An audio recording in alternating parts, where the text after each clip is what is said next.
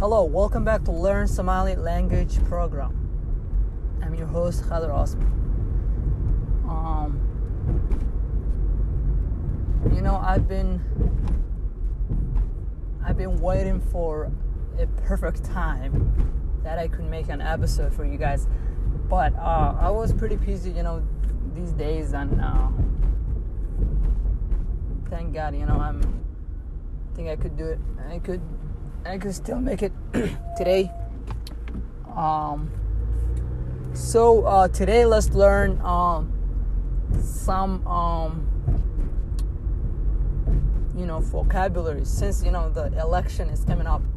Uh, uh, you know the election is coming up, so let's let's just learn vocabulary again. I don't I don't recommend learning you know too much too many, you know, too many vocabulary, and then not using it. I, I recommend it, you know, like once you learn a, a new word, you know, try to to use it in a sentence. Try to use, you know, use it, you know, right away. You know, don't um, don't just learn the word and then that's it. You know, you're done. Don't don't don't make it like that. Once once you learn the word, try to use in a sentence. I think that is the that is the perfect, you know, the perfect, you know, way of uh, memorizing and or you know studying the vocabulary. Uh, so let's learn the first vocabulary. That would be let's learn president. President. madaxweyne madax winning president.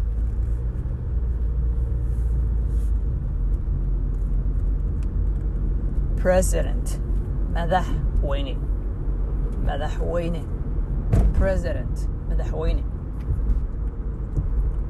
So I'm gonna use it in a sentence. Waa kuma madaxweynahaagu. See, I learned the word president, right? Madaxweyne and then I want to use it in a sentence, right? I'd say, I'm going say,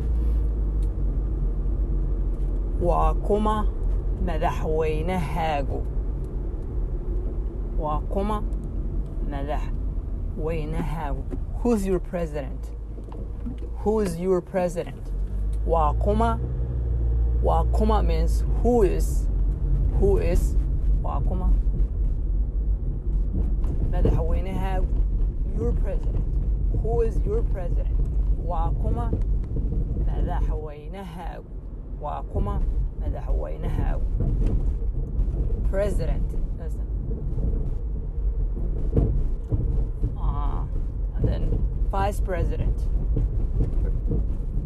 Madaxweyne ku-xigeen you could say that but there's another word you know raisal wasaare raisal wasaare is still means madaxweyne ku-xigeen but um, I still I'll, I would still use. You you learn you know president is president is madaxweyne right, and then if you want to say president, vice president it would be madaxweyne or raisal wasaare. Raisal wasaare. A lot of times we I think we just use it you know. Uh,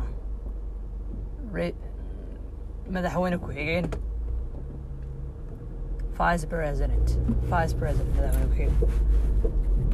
um,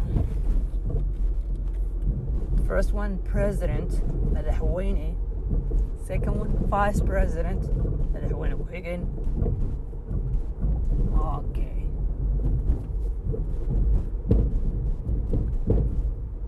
election. Election means doorasho doorasho in the word election you know is the noun is the noun form of elect right?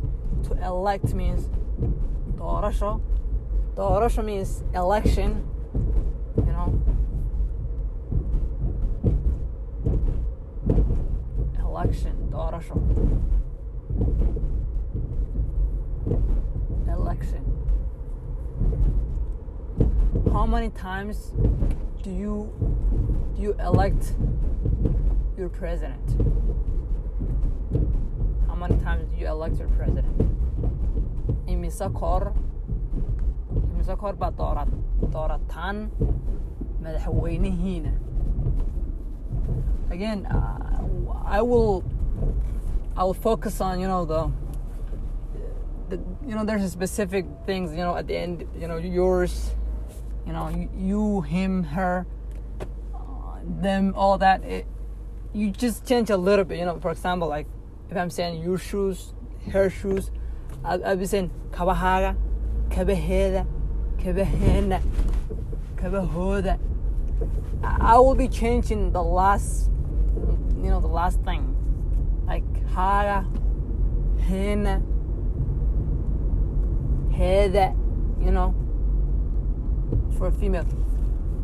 So how many times do you elect your president? Baad doorataan madaxweynihiina Uh, all right let's let me remind you the first one. President madaxweyne vice president madaxweyne ku-xigeen Uh, third the third one is election. Doorasho election.